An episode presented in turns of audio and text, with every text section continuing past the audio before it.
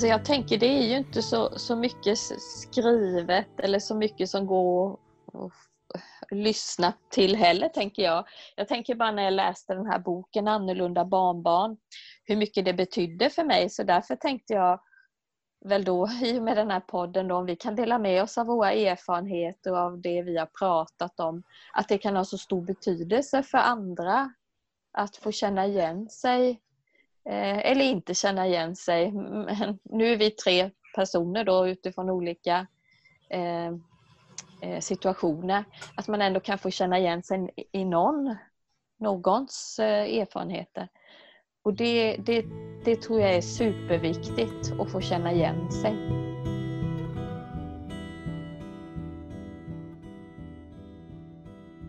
Det här är en podd som görs av NKA, Nationellt kompetenscentrum anhöriga. NKA är en verksamhet som arbetar för att utveckla anhörigstödet i vårt samhälle. Och vi vänder oss till alla anhöriga, oavsett ålder, sjukdom eller funktionsnedsättning. Vi arbetar på uppdrag av Socialdepartementet och i nära samarbete med Socialstyrelsen. Organisatoriskt tillhör vi Region Kalmar och flera av medarbetarna hos oss har också en anställning inom forskningen på Linnéuniversitetet. En del i vårt uppdrag är att sprida kunskap om anhörigas situation och det är det vi vill göra med denna podd. Ett område som NKA har i uppdrag och särskilt bevaka det är anhöriga till personer med flerfunktionsnedsättning. Och det är utifrån detta område som NKA-poddens första avsnitt har utformats. NKA erbjuder samtalsgrupper för anhöriga till personer med flerfunktionsnedsättning och i en av de här grupperna samlades tre kvinnor, Vanja, Pia och Eva, som alla är mor eller farförälder till ett barnbarn som har en funktionsnedsättning.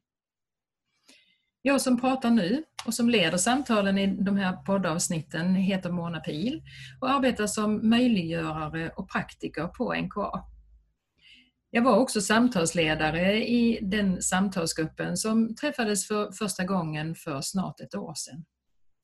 Och det var när det var dags att avsluta den gruppen eh, i början av det här året som vi alla kände att vi ville låta fler ta del av den samlade erfarenhet och klokskap som delats i gruppen.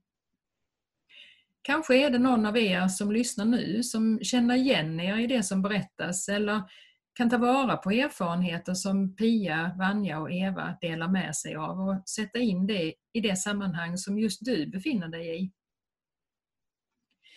Vi hade planerat att sammanstråla och för första gången få lov att träffas rent fysiskt och spela in den här podden. Men den planen var vi tvungna till att ändra på med anledning av Corona. Så istället har vi spelat in eh, den med samma verktyg som vi träffats i under samtalsgruppen, det vill säga Zoom. Vi har valt att samla de här avsnitten under rubriken Farmor och mormor behöver också ha någon att prata med. Valet av rubrik betyder inte att de här erfarenheterna och behoven bara gäller farmor och mormor utan förstås lika mycket för morfar och farfar. Om du som lyssnar nu inte hamnat på första avsnittet i den här poddserien rekommenderar vi att du börjar med att lyssna till det första avsnittet när alla presenterar sig lite närmre och då blir det lite lättare att förstå de olika sammanhang som Pia, Vanja och Eva befinner sig i.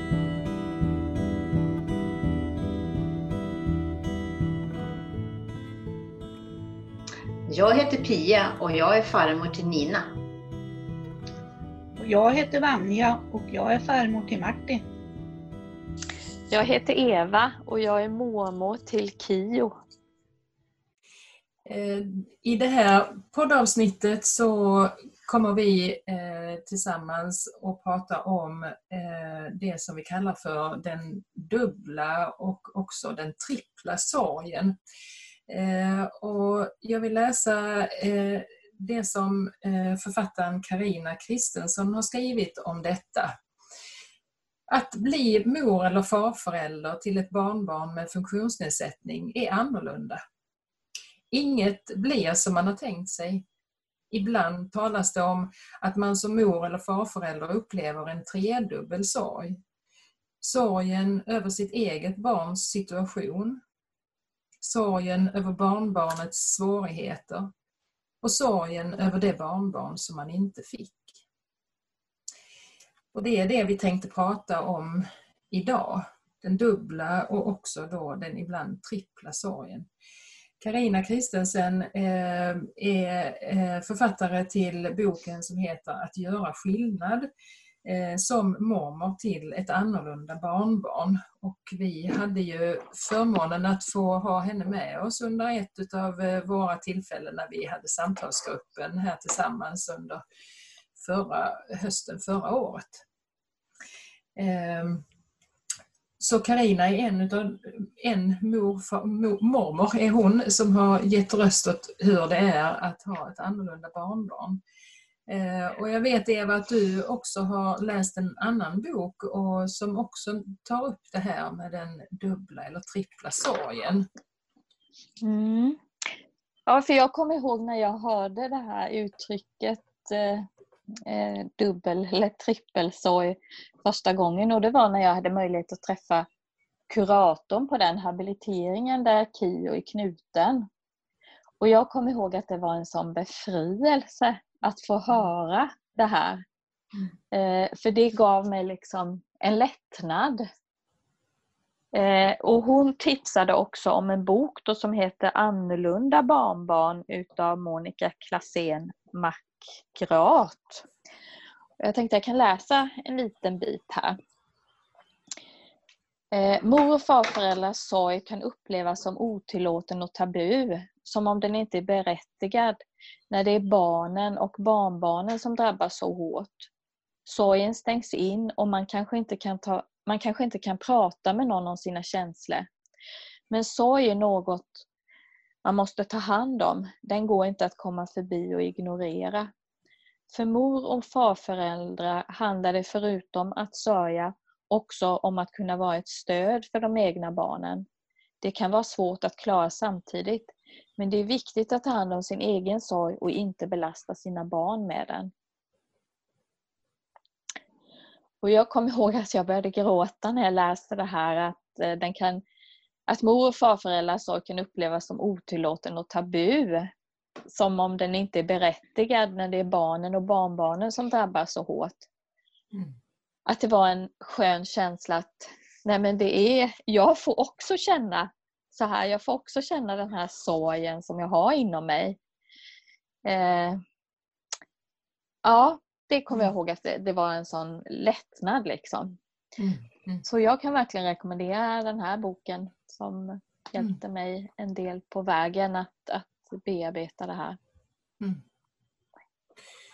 Så, så viktigt att, att höra andra röster och höra någon annan sätta ord på det som man eh, kanske mer har en förnimmelse eller känsla av själv men som man inte riktigt kan sätta ord på. Det landar på ett annat sätt och ger en eh, ett stöd. Eh, att också veta att man inte är ensam.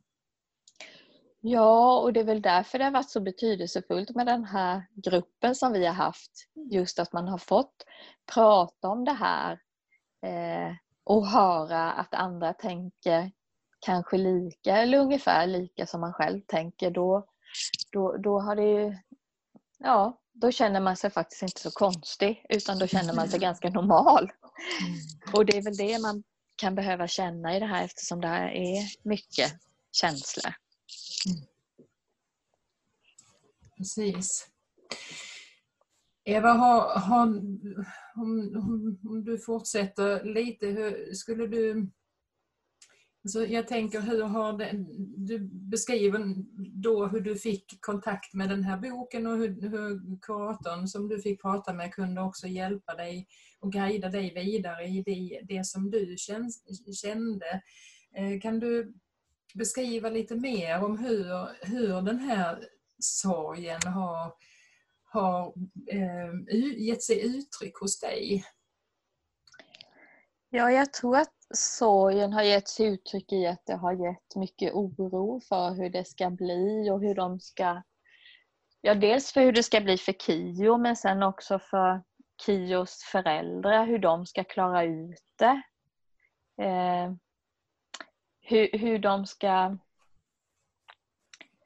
eh, klara ut det gentemot andra. Eh, och, och jag tänker väl också Alltså det som har varit svårt det, det, har ju förstås varit ibland att kunna vara den där stödjande till 100 procent för att man har varit så orolig i sig själv. Eh, just. Men, men då, då har, har, man ju, vad ska man säga? Jag har nog tänkt mycket att, eh, att jag har försökt att inte prata med min egna sorg med dem. Men också eh, gjort det ibland bara för att förklara hur jag känner. För det tror jag också är viktigt. Mm. Eh, och om ens tankar och så. Men, men jag kan ju förstås inte lägga över min oro på dem. Men jag kan ju prata om, om min sorg. Mm. Eh, och, och jag vet också att eh, i mitt jobb tidigare Eh, så satt jag och en eh, kurator på jobbet och det var, det var flera, flera år tillbaka.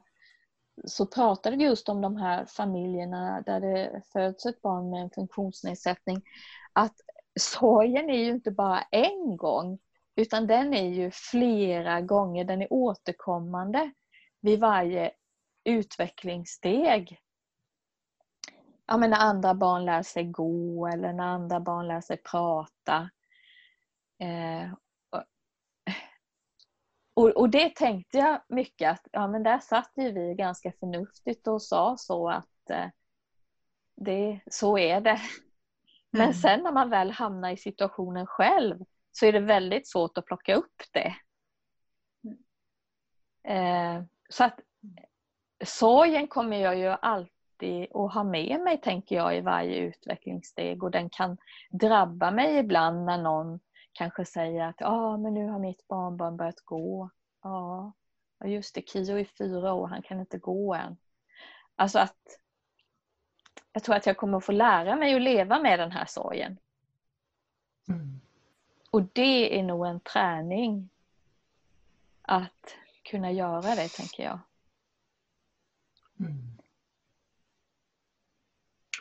Och att det här också går upp och ner, skulle jag vilja säga. Mm handlar det också lite om att, eh, att acceptera att, eh, att sorgen är där. Det du beskriver är att det är eh, som, som du har kommit fram till, liksom att eh, sorgen den får du leva med, den tar sig lite uttryck, olika uttryck, den går, kommer och går. Men att också förhålla sig till det eller på något sätt ändå förstå att det är så, acceptera att det är det kommer att komma tillbaka. Det kommer att finnas situationer som, som där, den, där det här kommer till att ge sig uttryck igen. Men att det får vara okej. Okay. Ja, eh, det tänker jag.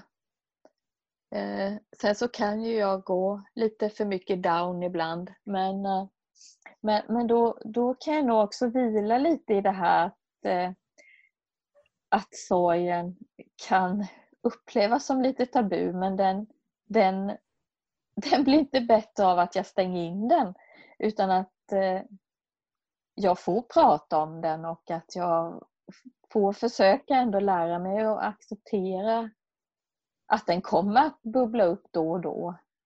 Mm. Eh, ja, jag har nog lärt mig lite utav det i alla fall. Mm. Även om jag kan känna sådär ibland att den, att den kan drabba mig. Jag vet att jag nämnde det någon gång när, när man liksom när man hör, ja men till exempel som den då som pratade om sitt barnbarn som var knappt ett år och kunde gå. Det är klart att ibland har man inte riktigt byggt upp den där fasaden utan kan drabbas rätt in till hjärtat utan att man hinner med och, och sätta upp skyddet. Och då tar det hårdare. Mm. Mm.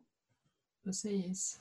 Och vi, vi har ju vi har ju också pratat om, och jag tror att vi kommer att komma tillbaka till det också längre fram, för det finns ju, ni har ju, ni lär er hela tiden och du lär dig hela tiden Eva och det, i det du beskriver också, hur kan du göra och Eh, medvetenheten om det och, och, ehm, och så. Eh, men att eh, för det är ju att ha en lite beredskap. Vad, vad, kan jag göra när jag blir drabbad? Vad, vad, vad vet jag? Vad, vad, har jag lärt mig att eh, det här är bra för mig när det här händer? För man kan aldrig vara helt beredd och det här drabbandet det kan komma när man minst anar det. Så har jag förstått det när ni har berättat.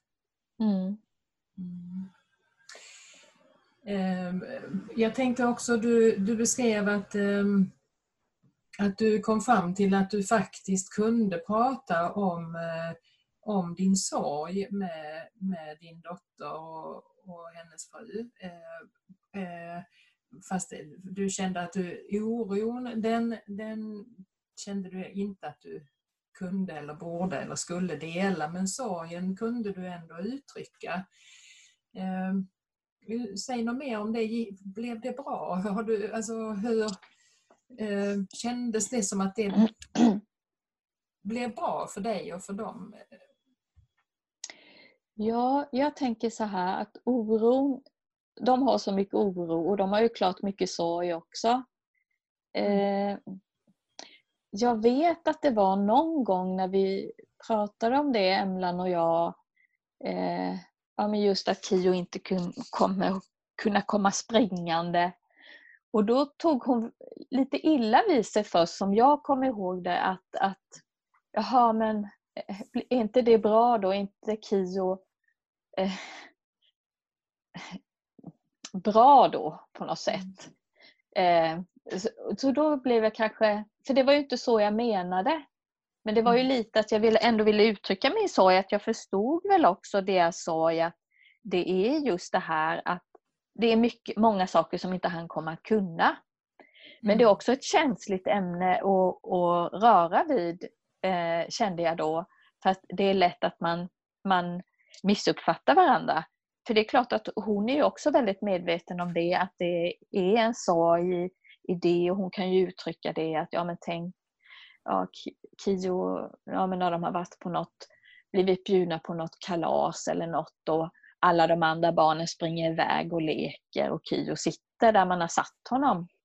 Mm.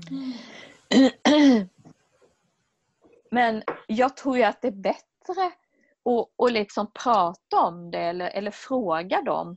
Man kanske, det kanske är bättre om man frågar dem hur deras sorg ser ut än att ta för givet att den sorgen ser likadan ut som min. Mm. Tänker jag också. För att eh, det är ju inte säkert att den gör det. De kanske inte sörjer precis det som jag sörjer. Inte just då. Och, och, då får man... Eh, nej, så man får vara väldigt öppen. Mm. Har jag nog upplevt. Mm. Hur man pratar om det. Men jag tror att det är viktigt att göra det. Där, det, du beskriver ju också själv hur din sorg går upp och ner och ter sig på olika sätt i olika perioder och det är klart att så borde det ju vara också för, för din dotter och hennes familj och, och det är ju precis det du beskriver, det är ju inte säkert att man är på samma plats eh, eh, samtidigt. Men genom att försöka sätta ord på det och börja samtalet så har man ju möjlighet att få syn på det i alla fall. Även om det det är inga enkla samtal och det är klart att det kan finnas eh, risk för missförstånd och så men, men eh, som ju man också kan tänka att man kan klara ut genom att prata om det. Mm. Mm. Ja, vi kommer väl att komma tillbaka till det här med syskon mm. också för det har jag ju också tänkt på när man pratar med Kios syskon Ines då, som är eh, nio år att eh, för henne så är ju Kio som han är. Hon tänker ju inte riktigt längre fram som jag som vuxen gör. Eh, så där får man ju också eh, tänka sig för lite hur man uttrycker sig. Mm. Men det hoppas jag att vi ska kunna mm. prata mer om, om kring det här med syskon någon annan gång. Ja men precis. Mm. Det kommer vi. Tack Eva. Vanja, hur, hur, vad får du för tankar kring det här med dubbla och trippla sorgen och hur, hur, har, hur har det tagit sig uttryck hos, hos dig? Jag har nog eh, haft min sorg inom mig. Jag har inte kunnat prata med någon. Och därför har jag letat så mycket ja, efter andra i samma situation. Jag har inte kunnat prata så mycket med mina nära i familjer och relationer, för det är ingen som förstår det riktigt. Så jag har sökt på andra sätt och då har jag hittat eh, eh Svenska Nonanföreningen där jag har träffat andra barn, vuxna eh, och som har haft Nonans syndrom med samma likadant som Martin, inte kunna äta och inte kunna gå och träffa de ungdomar idag som har växt upp och, och har jobb och jag har fått situationer som de är, ja, de har utvecklats något otroligt. Och det har jag kunnat glädjas åt. Och jag har, eh, varje sommar är vi på ett familjeläger med de här familjerna och ungdomarna så att Petra ska få träffa andra barn i samma situation så hon får en uppfattning om hur hennes lillebror har förutsättningar att kunna gå, gå så här långt. Och eh, jag pratade med Martins pappa Fredrik då häromdagen. Då hade de haft ett utvecklingssamtal i skolan och de var så nöjda med Martin och han lärde sig mer och mer för mm. varje dag. Mm. Och det här, det är ju lycka för mig. Man, man blir ju väldigt glad för, för de här små stegen. Och man ser ju att ehm, eh, jag tänker så här, det kommer, det kommer att bli bättre och bättre och föräldrarna lär sig, de har lärt sig jättemycket och får mycket hjälp nu. Och, och då känner jag att eh, jag kan lämna lite av den här oron. Och, eh, för jag vet att eh, det, det kommer att lösa sig på något vis. Så känner jag idag. Men samtidigt har vi en annan oro då och det är ju med vår lilla tjej här då hur, hur det ska gå för henne. Ehm, men hon är så klok så att jag säger som e- Eva, vi kommer väl tillbaka till syskon sen så får vi prata mer om det. Mm. Men just idag så känner jag att jag har träffat, eh, fått tag i er på NKA då när jag sökte och fick träffa er andra och fick höra att är, jag är inte ensam. Det har ju gett mig mycket krafter att komma vidare. Mm. För annars känner jag mig väldigt ensam i situationen och i den här situationen jag har nu som med Peter, vi ska träffa ja, kompisar till henne och deras föräldrar och de är ju i mina, mina barns ålder. Mm. Så att då är det ju 70-plussare och sen är det 30 men, men där har det, jag berättade i, jag var nog på förskoleklassen, ställde jag mig upp och berättade varför Petra var där och, och att hennes lillebror hade Nonans syndrom. För att barnen, de tyckte så synd om, om Petra, varför inte hon bodde hos mamma. Vad saknar du inte i min mamma? Och det gjorde att Petra var jätteledsen för då, då skulle hon vara ledsen fast hon visste inte egentligen vad hon var ledsen för.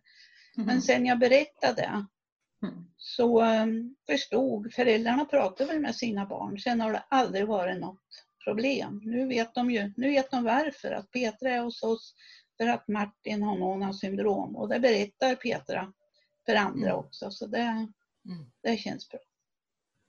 Ja, fint och bra att du kunde liksom hjälpa henne med den berättelsen och sätta ord på, på mm. det. Ja. Och det. Du beskriver också du, det med den här sorgen för din del, att den jag förstår det som att du har under, under åren här från början så vände du det mycket inåt och, och eh, ja, diskuterade med dig själv så att säga. Men att du i, i de lite olika sammanhang, både i den här samtalsgruppen men också via föreningen, så har du hittat eh, personer att samtala med och också då kunnat sätta ord på din sorg eh, på ett annat sätt. Ja, så, så är det. För min sorg, den har, alltså, den har varit sedan min, eh, alltså Martins pappa fick sin diagnos när han var 30 år. Och vi har hela tiden vetat att det är någonting som inte stämmer. Men då fick vi träffa ehm, eh, an, alltså an, en, en förening i NF1 som vi var på ett möte och då gick, fick passa pusselbitarna ihop. Mm. Och Fredrik fick sin diagnos av läkare. Och liksom, ja, men vad hade vi, vad hade vi kunnat gjort annorlunda? Vad, vad har vi gjort för fel? För, jag, för vi, vi, var nog väldigt stränga mot honom för han inte kunde saker och inte gjorde som andra. Så min sorg har varit sen, sen Martins pappa var liten, förstår ni? Mm. Ja, mm. mm. Som jag har kunnat bearbeta först, ja för, ja, för kanske tio år sedan. Mm. mm. Och det är jobbigt när man inte kan prata med någon. Det är jättejobbigt. Mm. Att sätta ord på saker och mm. känslor är mm. viktigt. Ja. Um, tänker när du berättar Vanja, så eh, om det är så att det är någon som lyssnar på det här och som inte kanske lyssnade på det första avsnittet i den här podden så är det möjligt att man inte riktigt hänger med på på hur er situation är. Men att det, då får vi väl rekommendera att man lyssnar på det första avsnittet och så mm. får man en liten, liten bild utav, eh, och det gäller ju inte bara dig Vanja utan det gäller ju er andra också. Att eh, vi då, I det första avsnittet pratade vi ju lite mer om vilka ni är och hur situationen ser ut för era barnbarn. Okej, okay. tack Vanja. Vad säger Pia om, om detta med, med eh, dubbla och trippla sorgen och hur, hur det har sett ut för dig och gett sig uttryck för dig? Mm. Eh, det var nog så här, jag, jag förstod inte alltså, mig själv. Jag förstod inte mina reaktioner. För på något vis så så var jag ju jätteglad över Nina och att hon var så söt och så liten och allt. Men eh, jag kände ju också att jag fick en jättestark oro. Och att jag hade också mycket fokus på eh, Ninas föräldrar. Och eh, funderade över hur det var för dem. Så. Eh, och jag har sökt genom livet efter någon att prata med när jag har känt att, att eh, jag inte förstår eller att någonting blir väldigt jobbigt. Och då träffade jag en eh, kvinna som hade jobbat många år på en habilitering. Och då sa hon ungefär som till dig Eva, att de hade förstått där att eh, mor och farföräldrar de fick en flerdubbel sorg. Och det var precis så för mig också, att det var en sån lättnad. Det var okej. Okay. Det var okej okay att vara ledsen. Det var okej okay att vara orolig. Um, och det hjälpte mig. Men, men, men sen så, så finns det ju kvar ändå. Jag känner att i en period i, i, genom åren nu så fick jag så ont i hjärtat när jag skulle sova. Så att jag kunde inte sova och det där kom tillbaka och det, i perioder. Och jag pratade med en, en vän som är ambulanssjukskötare och då sa han att det där måste du söka för. Så att jag, när det blev så nästa gång, då ringde jag och då fick jag åka ambulans. För då tänkte man att det var något fel med mitt hjärta, men det var det ju inte. Utan det var ju ångesten som satt där. Och att få det, sen kan man väl få besvär med hjärtat, men idag när det blir så, så kan jag ju tänka att nu behöver du andas, Pia. Nu behöver du tänka på något annat. Så. Sen har jag haft eh, svårt Eh, att prata med Ninas föräldrar om det här. Jag tänker att jag, jag blir så här eh, imponerad Eva av att du, att du försöker och att du gör. Det hjälper mig att göra mig modigare också. Eh, jag vet ju att de har en sån stark oro själva. Och på något vis så är det ett för svårt ämne att ta upp. Men varje gång vi har träffats så får jag såna här goda föresatser och ibland så kan jag fullfölja dem men ibland ligger de där och liksom mognar. För det gäller ju att det ska vara rätt tillfälle på något vis också. Sen känner jag att ett, eh, någon som jag vill berätta om det är de här små guldkornen som jag känner att jag verkligen spar på i min relation till Nina. Eh, vi satt vid havet här förra veckan, hon och jag, på en sten och tittade ut och inte sa någonting till varandra, utan vi bara satt där tillsammans. Och den känslan och den upplevelsen har jag gått tillbaks till många gånger den här veckan. För det blir så jättefint och så jättestarkt. Men eh, jag tänker att den här sorgen och oron, den, den kommer jag att få bära med mig. Jag kan känna min egen, min egen eh, sorg, föräldrarnas sorg, men också tycker jag att jag kan se att Nina jämför sig med, med andra barn. Och det blir också någonting som, något som, som jag känner liksom att jag blir väldigt berörd av. Att hon ser skillnaden så. Mm. Mm. Det var mina tankar. Mm. Och I det du sa nu precis så satte du ju verkligen ord på just den trippla sorgen. Att det är, det är en, en sorg för dig men det är, du, du har sorgen också för, för ditt barn och för ditt barnbarn och, och hennes situation. Och att det, känslorna finns på flera olika...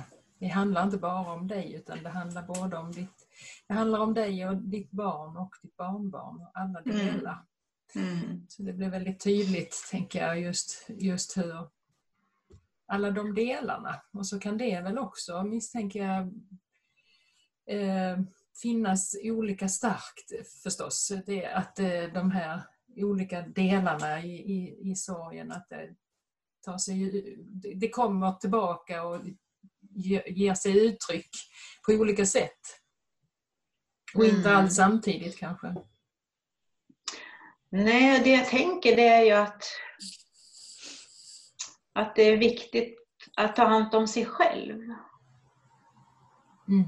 Och försöka hitta, hitta positiva saker att fylla sig med, fylla mig med.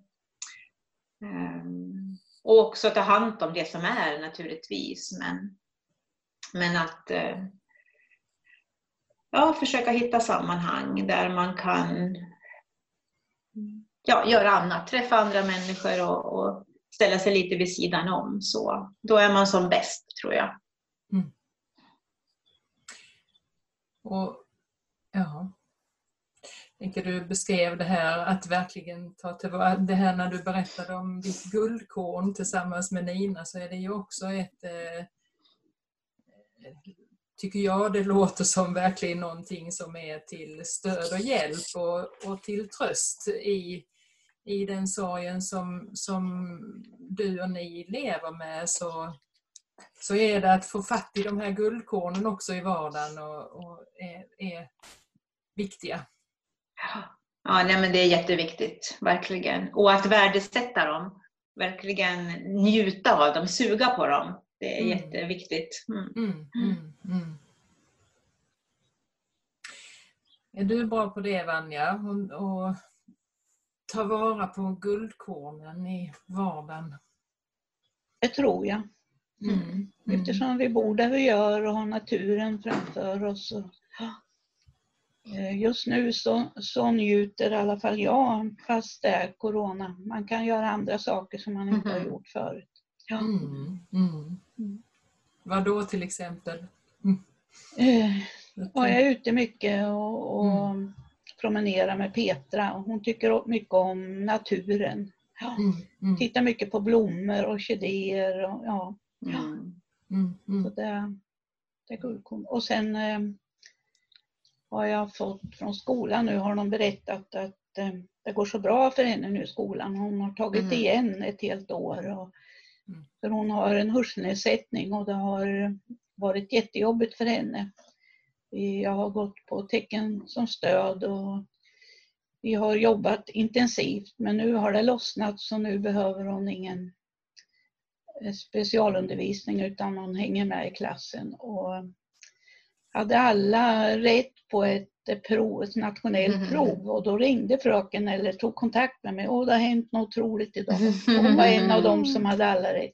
Och det är, Mm. det- det är guldkorn för mig. Är- Mm. är- Det är klart. Och det Mm. är, ja, men att också sätta ord på, sätta ord på guldkornen är Mm. viktigt för att eh, Mm. också befästa det likväl som det kan vara viktigt att sätta ord på det som är svårare. Sen träffar ju inte vi Martin så mycket tyvärr. I och med att vi bor 30 mil från varann. Och, Ja. Så det blir inte, det blir inte så ofta. Ehm, förra sommaren var de faktiskt här och um, det var nog åtta år sedan. De var här när han var liten bebis förut. Men eftersom man inte har kunnat åka bil, de, eftersom man har kräkit så mycket så har de inte kunnat förflytta sig. De har blivit instängda i sig själva och, och hemma på något vis. Men nu har det öppnat sig mycket mer för dem att eh, de kan göra saker.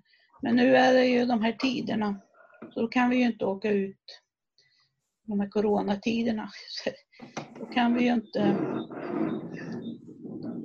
eh, förflytta oss så mycket. Utan, eh, oj, ja. Mm. Det är, det, är det. är lite, det är ett problem att man inte får den kontakten som man Mm. kanske vill med honom. Mm. Mm. Mm. Nej, det, livet det ser annorlunda ut för Men oss det finns, just det, nu. det, det finns ju du och, och Skype och det så man klarar sig på det också. Ja, just det. Man får använda de medel som finns. Eh, ja, Eva. Nej, jag bara tänker på det här i dessa tider. Det går ju att läsa saga på via Skype och, och just de där guldkornen. Jag eh, fyllde år här för några veckor sedan och då eh, så skickade de när de sjöng och så sitter Kio där och ska Ja. säga hurra, hurra, hurra på slutet. Det är ju såna, sånt där som man bär med sig. Mm. Mm. Mm. Absolut, så du, du tänker också på, på det sättet att ta vara på guldkornen. Ja, Mm. det får man försöka. Ja, precis. precis. Ja.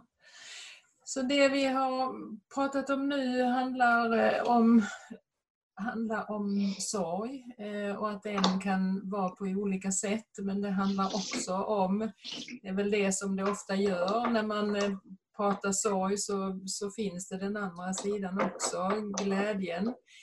Eh, och och eh, guldkornen.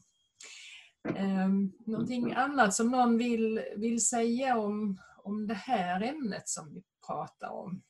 Någonting som ni har kommit på att ni vill tillägga eller få tankar kring? Jag tänker att det är lätt att den här oron som man kan bära med sig också kan väcka en del dåligt samvete. Alltså oron för att ens barn ska orka med det här livet med ett barn med funktionsnedsättning. Det kan väcka igång en del dåligt samvete hos mig. Att jag borde vara där mer, jag borde hjälpa till mer, vad kan jag göra mer och så vidare. Men att det inte är så lätt då när man bor en bra bit ifrån. Men det har vi ju också pratat om en hel del här också. Jag tänker det kommer vi väl också komma tillbaka till just det här vad, hur mycket, var går min gräns för hur mycket jag kan göra och så. För det har ju varit väldigt betydelsefullt för oss här tänker jag. Mm. När vi har kunnat prata om det. Mm. Men just jag tänkte på det där med oron, att det är nog den som kan trigga igång mitt lite dåliga samvete också. Att jag borde kunna göra mer, hjälpa till med, vara där med. Men sen är det inte möjligt. Nej. Och, vad, och hur ska man liksom tänka tillsammans med sig själv eller med andra? Hur, vad, är det som, vad är det som är möjligt för mig och när måste jag vara nöjd med det jag kan? Eh, Och att Mm. det blir bra. Mm. Jag tänker så här också att när man står vid sidan om så ser man ju andra saker och eh, det är ju en helt annan situation att vara bredvid än att vara mitt i det här dagliga. Och då känner jag att det, det har det tagit lång tid för mig att, att någonstans acceptera. Att jag kan inte göra allt det jag kanske kan och vill. För det är inte så något bra. För, hela, för situationen, för familjen, inte för någon, inte för mig heller. Men att det har liksom tagit lång, där har jag haft hjälp att prata med er. Att, att eh, det är bara att, att kliv tillbaka. Det, det, kommer, det kommer en fråga om det, det kommer kanske en önskan om hjälp, men, men just nu så är det, ska du inte vara där. Det har varit jätte... Det är en av de finaste sakerna med vår grupp, att jag har fått hjälp med det. Mm. Mm. Just det, så att det handlar inte bara om att man är begränsad i det man har möjlighet att göra utan det är faktiskt så att det i vissa situationer inte är vare sig önskvärt eller bra att göra allt Nej. det man skulle Precis. kunna. Nej, precis. Ja, det är också jätteviktigt. Absolut. Mm. Okej, eh, då kanske vi känner oss nöjda med, med det här ämnet och som du sa Eva så vi kommer till att komma tillbaka till många utav sakerna och det är ju också så att våra samtal och, och så som vi kommer till att ha framöver att de också hänger ihop mycket och kommer att gå in i varandra. Mm. Men eh, då sätter vi punkt för den här delen.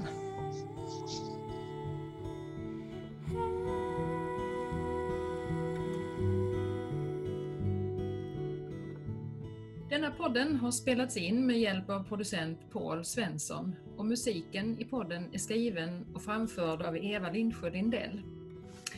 Missa nu inte nästa avsnitt i den här poddserien. Farmor och mormor behöver också ha någon att prata med. Och nästa avsnitt kommer ut under hösten. Vill du veta mer om vad vi gör på NKA? Kanske du själv skulle vilja delta i en samtalsgrupp? Gå gärna in på vår webbsida och läs mer. www.anhoriga.se Känner du någon som du tror skulle uppskatta att lyssna på den här podden? Ja, men tipsa gärna dem.